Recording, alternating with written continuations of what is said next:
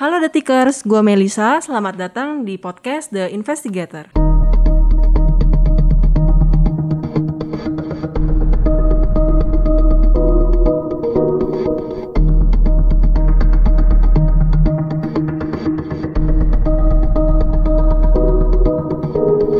ini kita bakal ngobrol bareng Mei Rahmadi ya.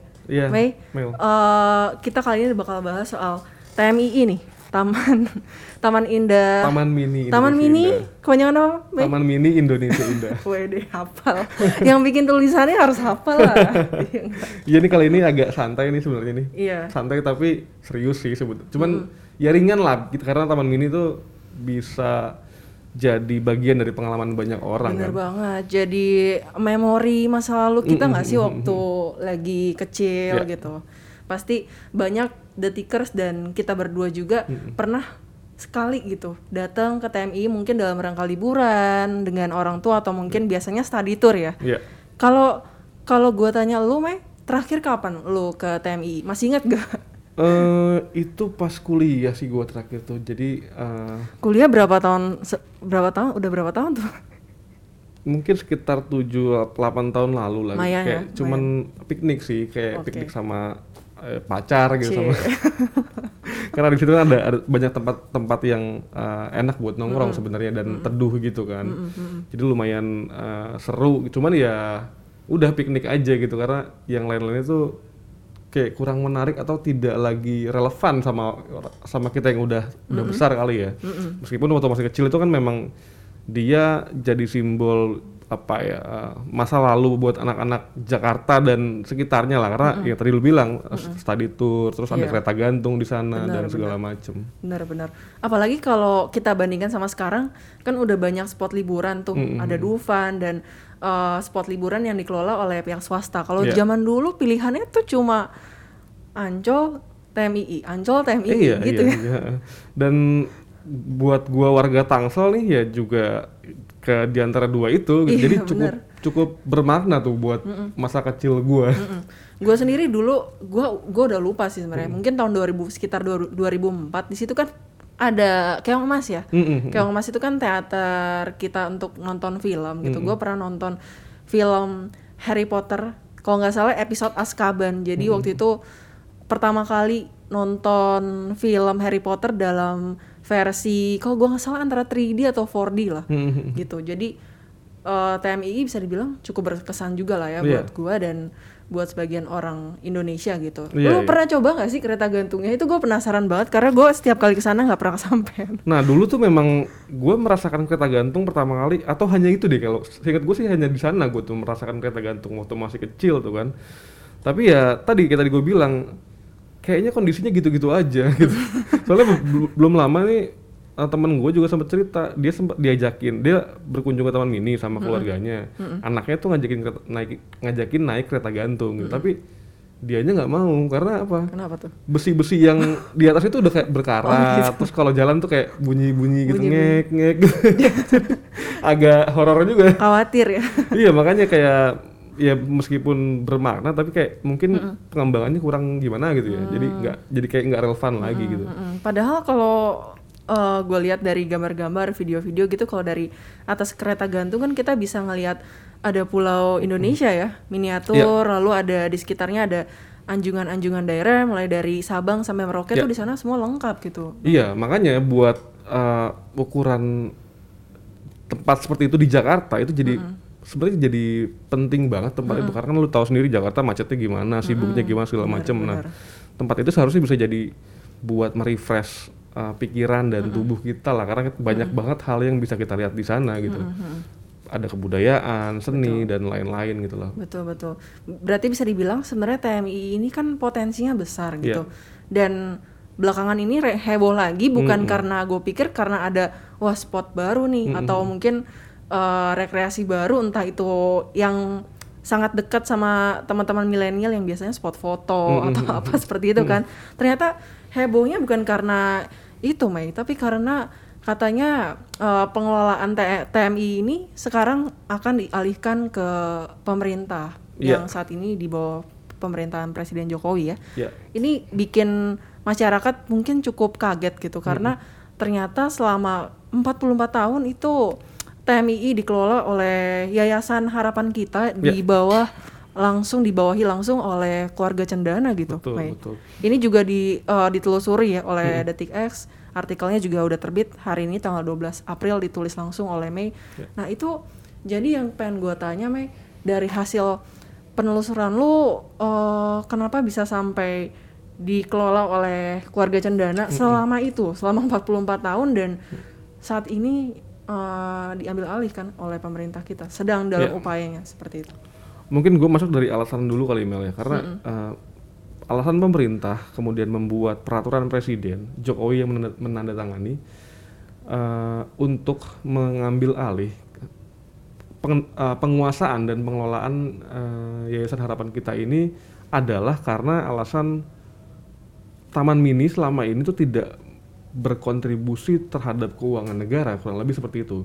Jadi alasannya bukan karena tadi keluhan-keluhan kita bahwa Ya, bukan. nggak relevan apa segala macam, tapi lebih ke keuangan negara gitu. Hanya karena uh, tidak berkontribusi terhadap keuangan negara, kemudian maka diambil alih lah itu. Tapi sebelumnya juga ada ada beberapa hasil audit keuangan dari BPK, BPKP, termasuk audit hukum dari FHUGM tuh memang ditemukan masalah sih sebenarnya. Meskipun si Taman Mini bilangnya ya kita terus melakukan pengembangan setiap, setiap tahun. Meskipun memang eh, tidak memberikan kontribusi terhadap anggaran kita memberikan kontribusi berupa bangunan-bangunan baru bangunan pengembangan, pengembangan lah pengembangan bangunan di sana yang itu bukan milik dia tapi milik negara secara hukum milik negara Iya, jadi betul. aset gitu dia berkontribusi memberikan aset aset uh, bangunan di atas di atas tanah ta- taman taman mini itu dan itu milik negara kata dia seperti itu Hmm, hmm.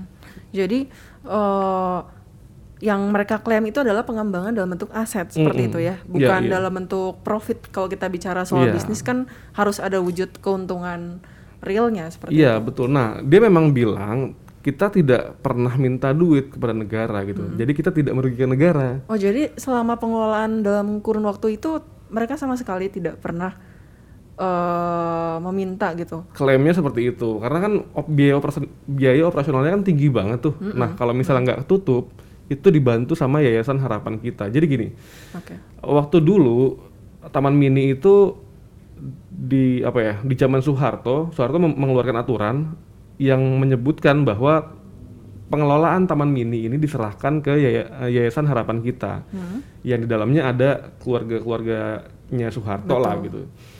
Keluarga Cendana katakanlah seperti itu. Nah kemudian si Yayasan Harapan Kita ini bikin badan namanya Badan Pengelolaan dan Pengembangan TMII nah badan inilah yang kemudian menjalankan operasional pengembangan pembangunan dan segala macam itu badan ini tapi atas persetujuan si Yayasan Harapan Kita jadi ketika si badan ini tidak bisa menutupi biaya operasional, dibantulah sama Yayasan Harapan Kita. Seperti itu. Nah, dia bilang si Yayasan Harapan, Yayasan Harapan Kita ini bilang kita tidak merugikan negara gitu. Tapi kan mungkin ya dalam pandangan bisnis tidak merugikan itu eh, bukan berarti menguntungkan. Gimana ya? Eh, tidak merugikan tapi tidak menghasilkan itu dianggap dianggap sebuah kerugian gitu kan kalau Kalau kita bicara dalam kacamata bisnis. bisnis iya. Jadi jadi lu punya barang nih lu nggak nggak nggak rugi tapi lu nggak meng- nggak menghasilkan apa-apa sama aja rugi Sama gitu. aja rugi, iya. kalau dalam bisnis kan gitu kan. Gitu sih Mel. Mm-mm. Tapi gua gua baca juga di subjudul yang lo bikin kan eh, tadi lo bicara kalau eh, selama 44 tahun ini tidak ada menghasilkan keuntungan. Tapi di subjudul lo sendiri lo tulis bahwa ada gitu laporan yang menyatakan TMI pernah surplus gitu. Ya. Ya termasuk juga eh, kepala staf presiden Muldoko itu dia bilang TMI itu selalu rugi tiga- eh, 40 sampai 50 miliar setiap tahunnya. Tapi sayangnya dia tidak menjelaskan itu dasarnya apa. Dia hanya bilang saya mendengar informasi gitu. Jadi eh, kita tidak bisa memeriksanya karena itu dasarnya apa benar atau enggak segala macam. Nah tapi temuan yang saya yang gue dapatkan itu dari laporan eh, LKPP laporan keuangan pemerintah pusat itu di tahun 2019 Taman Mini ini surplus 300 juta. 300 juta. ya kecil sih memang untuk Untuk eh, seluas itu ya. Iya, untuk uh, potensi Betul.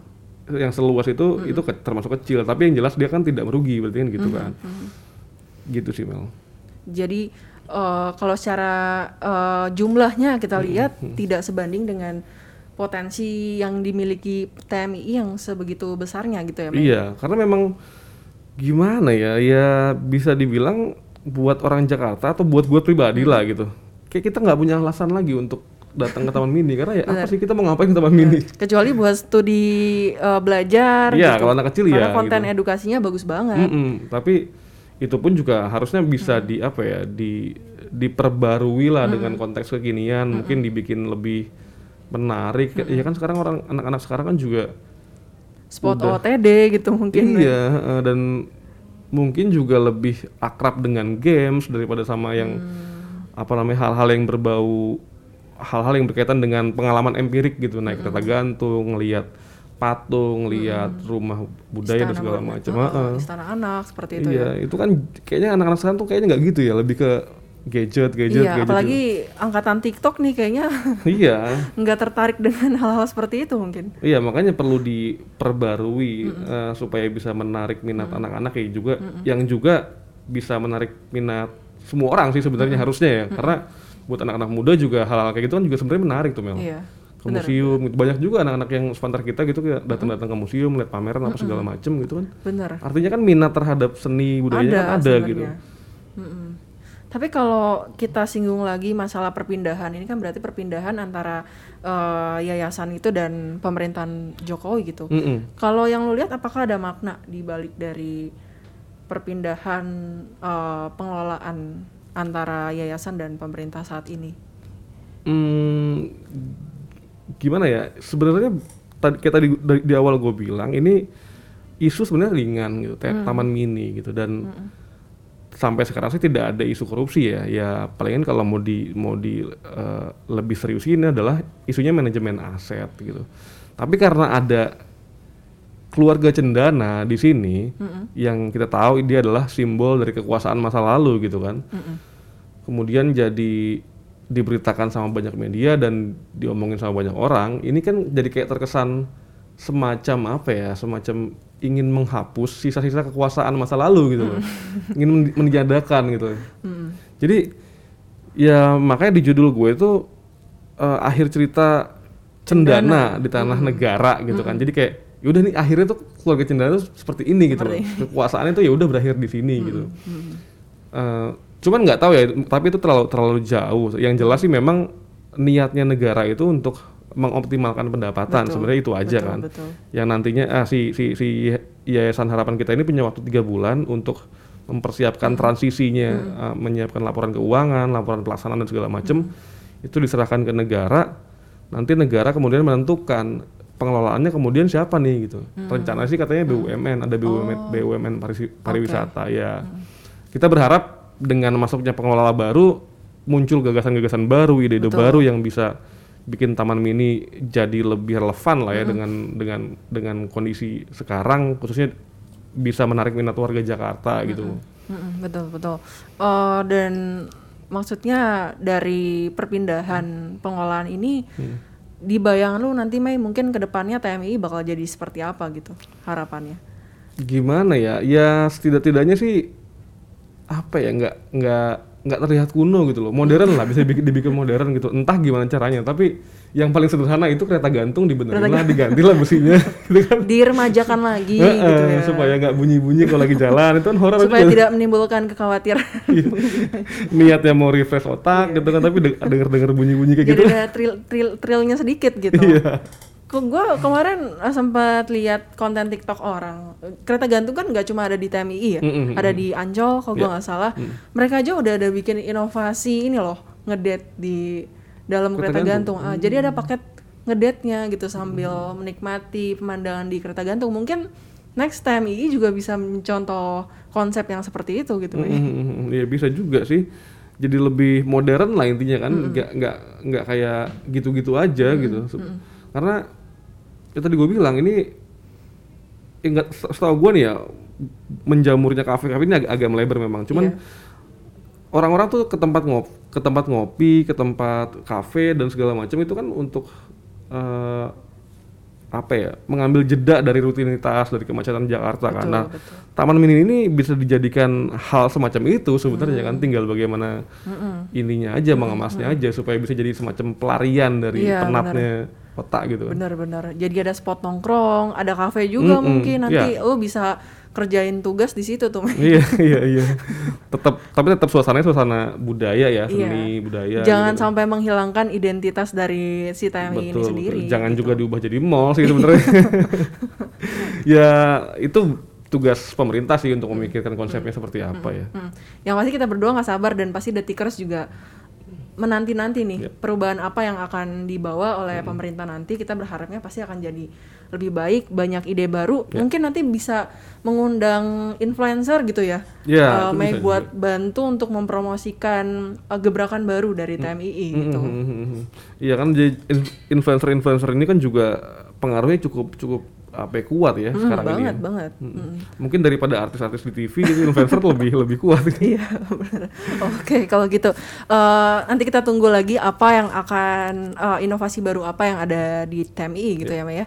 Eh, Oke detikers eh, kit- kita diskusinya sampai sini dulu. Nanti kita bakal next episode kita bakal bahas tema-tema lain. Mungkin kalau ada perkembangan lagi yang baru di TMI kita akan bahas ya. Ya. Oke. Oke kalau gitu sampai ketemu lagi detikers di episode podcast The Investigator selanjutnya. Sampai jumpa.